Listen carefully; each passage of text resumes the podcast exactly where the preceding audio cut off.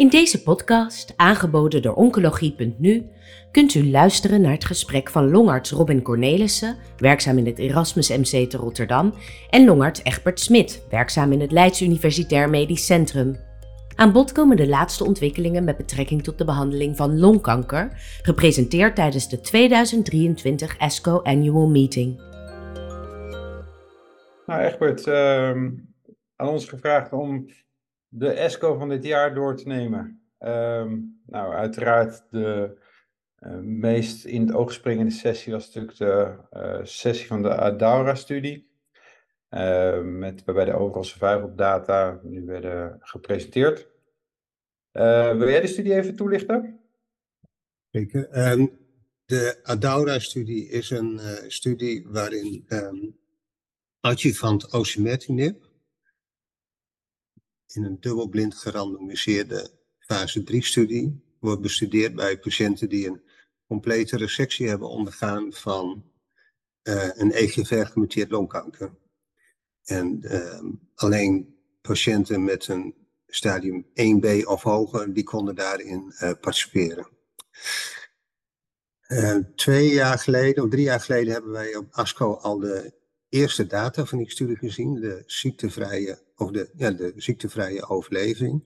En toen was er een enorm verschil in uh, die patiënten die na een resectie en al dan niet adjuvante chemotherapie osimertinib kregen, ten voor, uh, was een enorm voordeel voor die patiënten in vergelijking met patiënten die placebo kregen.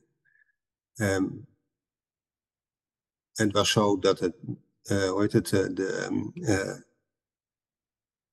kans op het terugkeer van de ziekte, dat werd gereduceerd met uh, meer dan 75% in de observatieperiode. Nou, dit voorjaar hebben we in een update van die ziektevrije overleving gezien. Die, die, nou, het verschil werd iets kleiner in het verloop van de tijd. Maar er was nog steeds een voordeel. Dus er werd toch met enige spanning uitgekeken of um, er ook daadwerkelijk dan een overlevingsvoordeel zou komen nadat uh, patiënten tenminste vijf jaar waren gevolgd. En dat overlevingsvoordeel bleek te zijn in de populatie waar het in eerste instantie om te doen was, stadium 2 en 3. Maar ook als stadium 1b daaraan werd toegevoegd, dan was het zo dat uh, er zo 10 tot 12 procent verschil in de vijfjaarsoverleving zat. Van 85 naar, of van 87 naar uh, 75 procent. Kortom, uh, de conclusie van die studie was, uh, uh, adjuvant osimertinib ge gegeven gedurende drie jaar na een resectie voor een uh, EGFR-gemuteerd longkanker, verlengde overleving. Daar is wel het een en ander over te zeggen. we ja. hebben alle details al van de studie gezien.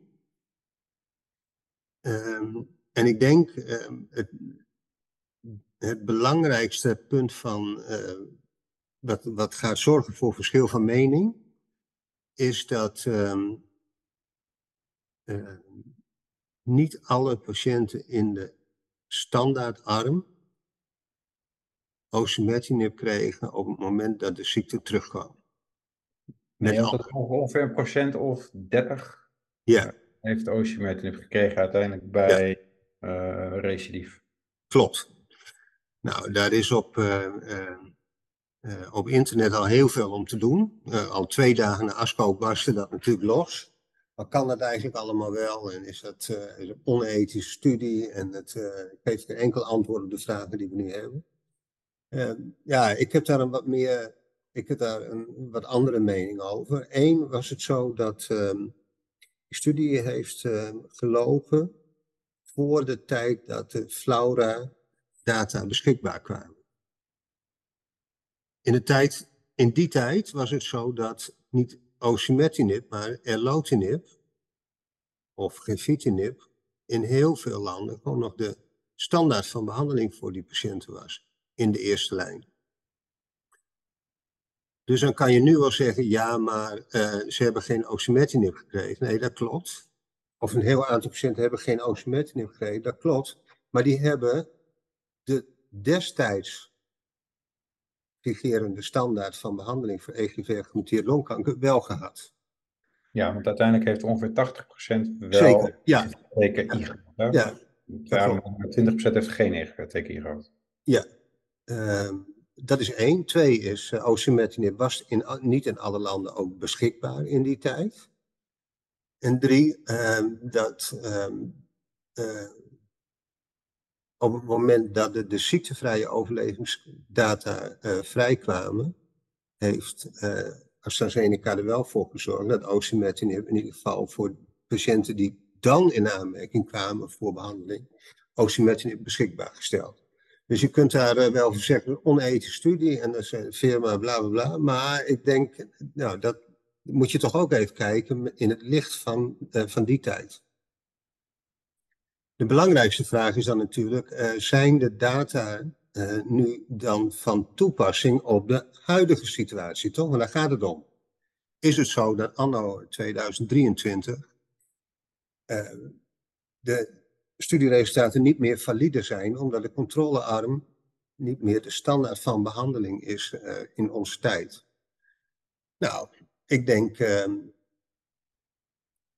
dat er nog ruimte is om te kijken wat in, in ieder geval van de patiënten die osimertinib hebben gehad in, de, in beide armen, wat waren, zijn de patiëntengroepen die heel veel baat hebben gehad bij OSI?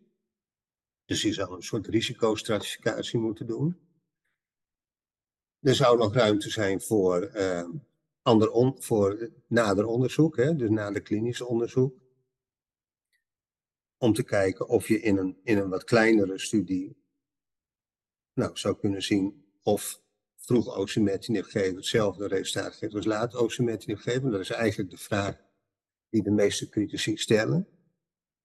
Aan de andere kant zou je ook kunnen zeggen, ja, weet je, eh, het ziektevrije voordeel, overlevingsvoordeel is zo groot en is in zichzelf waardevol. Ik vind dat mensen eh, standaard osimertinib moeten krijgen na een compleet gerecenseerd EGFR-gemuteerd longkanker. En ik denk, totdat die studies gedaan zijn, zal dat altijd een punt van discussie blijven. Dat denk ik, ben ik met je eens. Ik moet zeggen dat ik tot nu toe van de ziektevrije overleving nog niet volledig overtuigd was. In de zin van de restrace is natuurlijk fantastisch. Uh, maar er werd natuurlijk ook na twee jaar gemeten, terwijl mensen nog onder behandeling waren met OC. Um, maar deze OS-data met ook een hele ja, hoge ratio, 0,5 ongeveer. Mm -hmm. um, ja, ik, ik, denk dat we daar niet omheen kunnen. Um, dus ik denk die combinatie nu van die hele fraaie DFS en een OS-winst, dat het wat mij betreft nu standard of care zou moeten worden. Ik denk dat de, een van de grote vragen die nu open staat is, want je ziet natuurlijk na drie jaar, uh, als die Ocean ja. werd afgerond, zie je die uh, curves naar elkaar toe gaan. Uh, dus ik denk dat de grote vraag gaat worden, wat is de lengte van die behandeling? Ja, nou, daar heb ik, ja, ik moet eerlijk zeggen dat ik zelf denk dat, uh, dat je het nooit moet stoppen. Ik denk, ik denk dat ik dat met je eens ben. Nee, het is niet zo dat je, uh, dat je die ziekte, dat je mensen cureert, hè? Nee. Leven met behandeling. En uh, hoe eerder je dat doet en hoe langer je dat doet, hoe beter dat is volgens mij. Maar goed. Uh, dat is allemaal niet ondersteund door klinisch onderzoek. Nee. Maar we zien van wel een suggestie van die Adouro-studie dat, dat dat wel eens het geval zou kunnen zijn. Ja, en dat is natuurlijk analoog aan hetgene wat bij ja. uh, bijvoorbeeld al eerder gevraagd ja. is. Ja. Helder. Een andere belangrijke vraag is, uh, denk ik, uh, wat moeten we met die andere 10% die oncogene drivers hebben als drijvende kracht achter een kanker? Dus mensen met een alkros, al dat soort dingen waar we ook effectieve therapie voor hebben. Um, als je kijkt hoe lang heeft het geduurd voordat Adaura uitgelezen heeft, en dus bijna meer dan acht jaar, is het dan zo dat uh, moeten we zelfs langer wachten. Want de frequentie van die uh, aandoeningen is veel lager. Om een besluit te nemen wat we met die andere studies aan moeten. Met die andere oncogene drive samen. Ja, ja. Uh, je zou natuurlijk willen dat dit analoog aan de Adaura geaccepteerde therapie wordt voor, met een driver-mutatie. Ja. Um, de, de, ik weet niet hoe de commissie BOM slash EMA FDA daar tegenaan gaan kijken. Ja. Uh, maar eigenlijk zouden we vanuit het veld ons daar hard voor moeten gaan maken. Eens. Ja. Dus iets om uh, na deze podcast eens over na te denken. Hm. Uh, zeg, om in het uh, gebied van de, van de moleculaire diagnostiek en behandeling te blijven, um, ja, een, een, klinisch vraagstuk is natuurlijk als mensen uiteindelijk um, progressie vertonen op hun, uh, op hun doelgerichte behandeling. Um, is het dan zinnig om um, chemotherapie te geven of zou het zinnig kunnen zijn om daar immuuntherapie aan toe te voegen? en op de ESCO is in de uh, metastatic lung uh, sessie daar een presentatie over geweest. Ja, ja dat was de uh, keynote. Nou, 5, 6, 6, 671, geloof ik, of niet? Nee, de 671 is. Uh, oh, Oké, okay. goed. 579. Uh, mooi. Maar, uh, heeft daar een antwoord op gegeven. En ik denk dat het ook belangrijk is om even te kijken naar de uh, Checkmate 722-studie die uh, vorig najaar, vorige winter is uh, gepresenteerd. Dat was een studie waarbij single-agent chemotherapie werd vergeleken met nivolumab. In dezelfde setting, hè, dus progressie op osimerting. Studie compleet negatief, curves over elkaar heen. Um, was al een hele sterke indicatie, denk ik, dat immuuntherapie bij uh, deze patiënten weinig uh, gaat doen. En op deze ASCO was een studie waarin polychemotherapie, dus um, carboplatin pemetrexed, werd vergeleken met carboplatin pemetrexed pembrolizumab. Iets wat denk ik meer aansluit bij uh, de klinische situatie zoals die zich nu ook voor zou doen. Hè? dus relevante studie met een, uh, ook denk ik, uh, eenduidig antwoord. Nog de progressievrije overleving, nog de overall survival werd eigenlijk verlengd door het toedienen van, uh, of het toevoegen van immunotherapie aan carboplatin pemetrexed. met andere woorden, immuuntherapie bij deze patiëntencategorie na progressie op osimertinib, ja, dat heeft geen toegevoegde waarde. Punt. Niet doen. Gewoon niet doen. Um, denk dat Onafhankelijk van de, van de PDL1-score was het ook. Hè? Dus in, het gekke is dat uh, uh, die, die predictieve waarde van de PDL1-score, die gaat eigenlijk verloren op het moment dat er sprake is van een oncogene drive. Dat is bij ALK zo, dat is bij ROS zo, dat is bij EGFR zo. Waarom dat is, dat weten we eigenlijk niet. Maar er is, er is wel een, wat wel bekend is, dat er een intrinsiek pathway is. Van, Zeker van, van uh, ALK en van EGFR. Waardoor er eigenlijk een PD-L1-opregulatie is. Die compleet onafhankelijk van eigenlijk je T-celrespons is. Precies. Um, dus uh, daarom probeer ik altijd, uh, uh, als ik presentaties geef over het, over het starten van immuuntherapie, om bij mensen te weer, ervan te weerhouden om bij het vinden van een PLE-score van 100% bij een zeker nooit rokende patiënt om niet nooit doen. immuuntherapie te starten. Um, en gewoon als het echt moet, Q-chemotherapie te geven. En uh, gewoon de Archer INGS af te wachten. Ja, ik hoop dat uh, deze studie gewoon een eind heeft gemaakt in die praktijk. Ik ben het helemaal met je eens. Ja. Um, en hè, die, die, dat, uh, ik denk wel dat we moeten kijken natuurlijk welke, welke speelt er. We weten dat een, een, een KRAS uh, uiteindelijk wel baat heeft bij mm -hmm. de, ook de G12C. Uh, maar inderdaad, voor, voor mensen met de klassieke drijvermutaties is dit echt einde, einde immunotherapie wat mij betreft. Ja. ja. Helder. Ja, dan kunnen we gelijk een sprong maken naar de andere keynote-studie. De, ja. 6, 7, 1. En dan gaan we gelijk naar een wat vroeger stadium. dus uh, een studie waarbij um, chemo-immuuntherapie als neoadjuvant uh, werd gegeven. Mm -hmm. Patiënten met een stadium 2, 3, hoofdzakelijk uh, niet-kleincellig longcarcinoom. Daarna resectie en daarna kregen ze nog adjuvant behandeling met alleen de pembrolizumab. wat vond je van de uitkomsten?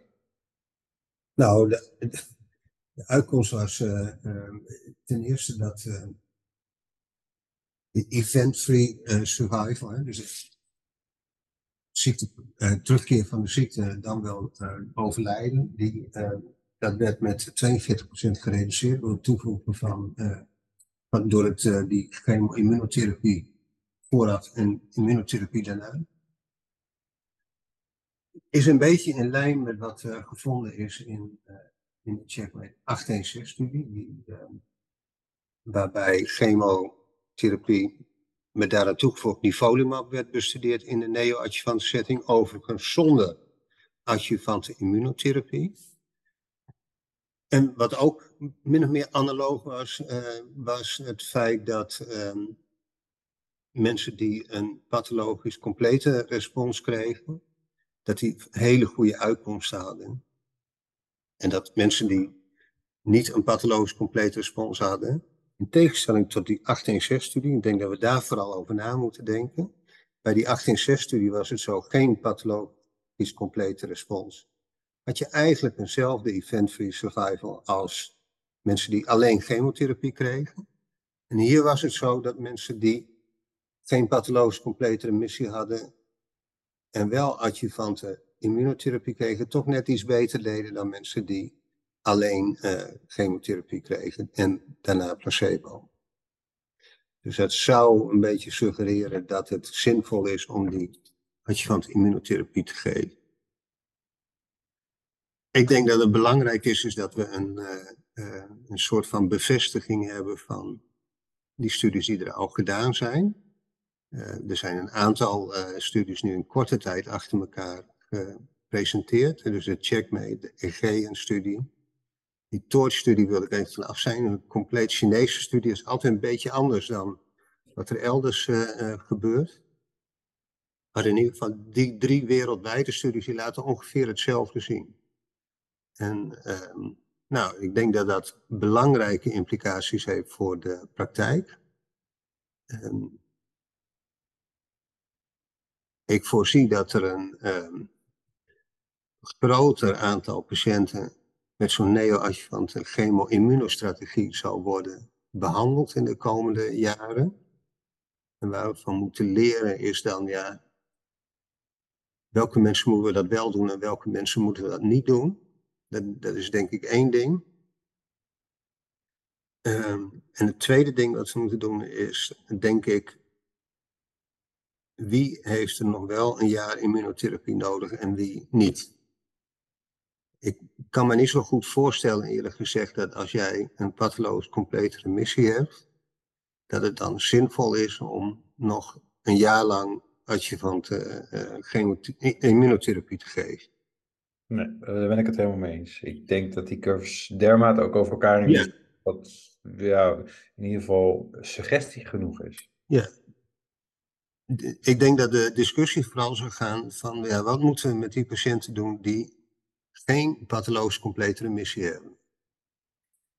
En, en die discussie die zal zich denk ik op twee vlakken afspelen. Eén, vlak 1 is, uh, stel je voor dat je dat kan detecteren voorafgaand aan een operatie. Kan je dan nog een beslissing maken over wel of niet opereren? Dat is één. En twee is, uh, moet je die mensen nou adjuvante immunotherapie geven? Uh, en ik, ik denk dat vooral voor die laatste groep er een hele grote behoefte is om dat uh, gerandomiseerd uit te zoeken. Ja. En dat eerste punt is meer, uh, denk ik, iets voor ehm, de wat langere adem. Ja. Ja, en daarnaast hebben we natuurlijk nog een, bijna uh, een, een ongeveer een zesde van de mensen haalt uiteindelijk de operatie niet. Ja, dat vind ik altijd een beetje een kul argument. Wat Nee, maar het, eh, het is wel, het- hoe gaan we die, die patiënten identificeren? Kijk, ik denk dat dat nog ook wel een uitdaging ergens zit. Volgens mij heeft dat met selectie te maken. En als je kijkt naar wie haalt dat niet, dat zijn veelal de patiënten die een stadium 3A of 3A plus hebben. Dus het heeft meer met het stadium van de ziekte te maken. Die, waarbij ja, die net tegen de grens aan zaten van de receptabiliteit. En die hebben dan toch nog wat progressie en dan gaat het niet. En natuurlijk is er een groep die een probleem krijgt als gevolg van de behandeling. Dat zal je nooit kunnen voorkomen. Kom, voorkom je niet, nee. Maar ik denk dat dat stadiumaspect is denk ik heel erg belangrijk. Ehm, dat betekent dat je gewoon beter moet selecteren. Toch? Dat kan je niet anders, eh, ik kan het niet anders zeggen. Ik, ik- dat argument van dat die mensen niet aan chirurgie toekomen, wordt heel vaak gebruikt door voorstanders van adjuvante behandeling. Door alsjeblieft eerst opereren en dan het wel. Maar als je kijkt naar de adjuvante studies, dan zijn er ook een heleboel mensen die niet toekomen aan adjuvante behandeling. Dat wordt wel eens vergeten. Ik vind dat kijk, het beginpunt van een adjuvante studie is, dan, dan zijn mensen al geopereerd. En dan Ja. hebben mensen, sterker nog, er zijn natuurlijk eh, meerdere adjuvante studies waarbij mensen hun adjuvante chemotherapie al hebben gehad en daarna Ja. pas gerandomiseerd. Ja. Dus de, het Populaties zijn anders. ja, die beginpunt van de studie is compleet anders. De operatie is al geslaagd, überhaupt dat is al een selectiecriterium. Eh, dus dit, voor mij is dat geen, geen, eh, geen issue. Voor mij is het met name eh, die mensen die niet aan de chirurgie toekomen, hoe kunnen die identificeren en zouden we daar niet ook vanaf meet af aan geen rat moeten geven bijvoorbeeld. Dus ik denk dat de selectie van die groep eh, van meet af aan een, een, een belangrijke implicatie kan hebben. Ehm, je ziet ook natuurlijk dat zo'n neoadjuvante behandeling bij PLN-negatieve patiënten evident, eh, dat is evident. Eh, de suggestie wordt wel gewekt dat het PLN mensen zonder PLN-expressie eigenlijk niet zo heel veel baat zouden hebben bij neoadjuvante immuno. Ja. Ehm, dat zou kunnen, dat het op dit moment vooral gedreven wordt door eh, mensen met een hoge PD-1-expressie. Ehm, andere kant is zo dat als je naar combinaties gaat van PD1 en CTLA4-remmers, dan eh, die doen het in de gemetastaseerde vervetting althans ook heel goed bij patiënten die een lage of geen PD-1-expressie hebben. Ja, en er is een studie geweest eh, in, eh, in MD Anderson die dat heeft gedaan. Die eh, hebben toen ervoor gekozen om chemotherapie gecombineerd met PD1 en CTLA4-remming, om dat niet door te zetten vanwege toxiciteitsissues. Dat mensen dus niet aan een operatie toekwamen. Precies dat argument. Maar ik denk toch dat het goed is om daar, om daar nog eens een keer naar te kijken. Van, zou dat niet ook een goede strategie zijn voor geselecteerde, sterker geselecteerde patiënten nog? ja.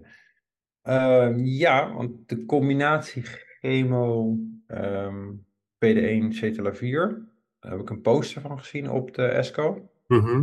Ehm, waarbij ik toch voor de Nederlandse praktijk ook toch nu wel een, een groep begin te zien waar die combinatie, die 9LA-schema, twee kuren chemo Mhm. met niveau IP, eh, niveau IP door, bij toch, toch nu een subgroep lijkt te zijn die daar eh, interessant op reageert. Ja, ja, zeker. Maar dat zijn de mensen die weinig of geen PD-1-expressie hebben. eh, of minder dan 1% in ieder geval. Die groep die doet het eigenlijk verrassend goed. En ik denk dat er heel veel voor te zeggen is om eh, wat onze standaard van behandeling is. Hè? Dus eh, platina doublet met pembrolizumab. Ik denk dat dat ongeveer, dat is ongeveer wat gegeven wordt in Nederland. Om dat in die populatie te vergelijken met het 9LA-schema. Dat zou denk ik een aardige Nederlandse studie zijn. Ja, Eh, ehm, en zou je het gerandomiseerd willen aanpakken of zou je zeggen van we doen ehm, centra die de ene geven, centra die de andere geven. De combinatie niveau IP is wel uh, evident, uh, geven wat meer toxiciteit. Ja, nou ja, goed. Ik, ik bedoel, ik, hoe je dat precies aanpakt, misschien ook voor, voor discussie, maar ja. het is zeker zo dat het meer toxiciteit heeft. En dat het verstandig is om dat te doen in centra die ruime ervaring hebben met het geven van immuuntherapie. Ja. Maar inderdaad, ik, ik zie wel, en dat, ik ben het met je eens, ik zie, ik zie wel een mogelijkheid voor jonge, mm -hmm. als jonge, goede, goede fitte patiënten, PLN negatief, voor dat schema. En um, uh, om dat te, in de studie vast te leggen, yeah. dat is natuurlijk echt, uh, wat dat betreft, fantastisch zijn als dat zou lukken. Mooie invalstudie. Correct. Ja. Um, op het gebied van nieuwere therapieën, de uh, drukconjugaten, uh, was een studie die uh, TROP2 uh, als, als target had. zou je die nog willen toelichten? ja, dat is een, een studie waarbij patiënten met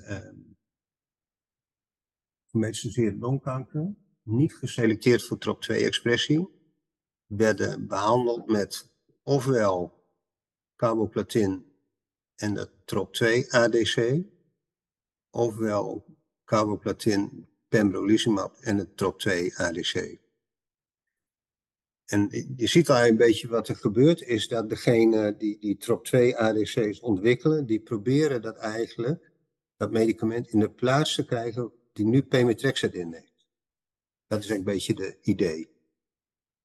En dat is een, uh, nou, ik denk, actieve uh, combinatie, die bij een verrassend hoog aantal patiënten uh, responses geeft, maar ook geassocieerd is met veel toxiciteit. Het geeft veel bijwerkingen en er waren ook aardig wat uh, patiënten die, laat ik zeggen, de behandeling onderbraken vanwege uh, bijwerkingen. Dus altijd een, een belangrijk gegeven van uh, die, hoeveel mensen houden het niet vol. Want dat is een soort indirecte uh, maat voor de ernst van de toxiciteit. En dat was toch wel, uh, dat was, vond ik wel aardig wat. Van het aantal patiënten dat het niet volhield, dat was ongeveer 20%. Dus 1 op de 5 patiënten die houdt dat vanwege bijwerkingen niet vol. De belangrijkste bijwerking eigenlijk mucositis, of een aparte vorm van uh, mucositis, eigenlijk in de mond vooral. En um, uh, die kreeg last van hun ogen. Uh, dus ik, ik, vraag me een heel, ik vraag me toch wel een beetje af van wat is eigenlijk de toekomst van, van de combinatie van die TROP2-ADC met andere vormen van chemotherapie en immunotherapie. Ik, ik, daar ben ik nog niet zo zeker van of dat in deze dosering goed gaat komen. Misschien moet ik daar iets minder van geven of uh, ander schema, dat weet ik niet. Maar in ieder geval, dit heeft nog wel enige studie nodig. Aan de andere kant is het zo dat uh, het wel heel erg actief is. Ja. We hebben destijds studie gedaan met dit middel in, in tweede lijn. Als monotherapie was het uh, altijd minder toxiciteit in ieder geval dan deze combi. Voor de combi inderdaad wel een hoge toxiciteit hebben. Die mucositis was inderdaad een, um, uh, iets anders dan wat wij kennen. Uh, mm -hmm. Mensen hadden heel duidelijk fors mucositis. Um, en waarvoor we een heleboel middelen uit de kast hebben getrokken. En uiteindelijk de beste strategie was om mensen tijdens het inlopen van de, uh, van de trop 2 antidrukconjugaat om ze op ijsklontjes te laten sabbelen. Ja, ja, ja. Dus een soort haarkoeling, maar dan van de mond. Maar dan voor de mond. Ja. Um, en verder doosreducties. Er was, er was ja. niks anders wat, wat effectief Ja, dus ik, ik denk dat het goed is om daarnaar te kijken straks. Van hoeveel mensen hebben eigenlijk doosreductie gehad. En is het niet verstandig, als het een relatie heeft met respons, is het niet verstandig om laag te beginnen. Ik, ik vraag me echt af of dit uh, op deze manier toekomst gaat hebben.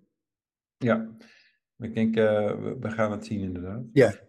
Oké, okay. uh, dank voor deze toelichting allemaal. Graag gedaan. Bent u geïnteresseerd in meer podcasts? Deze zijn te vinden op de website oncologie.nu.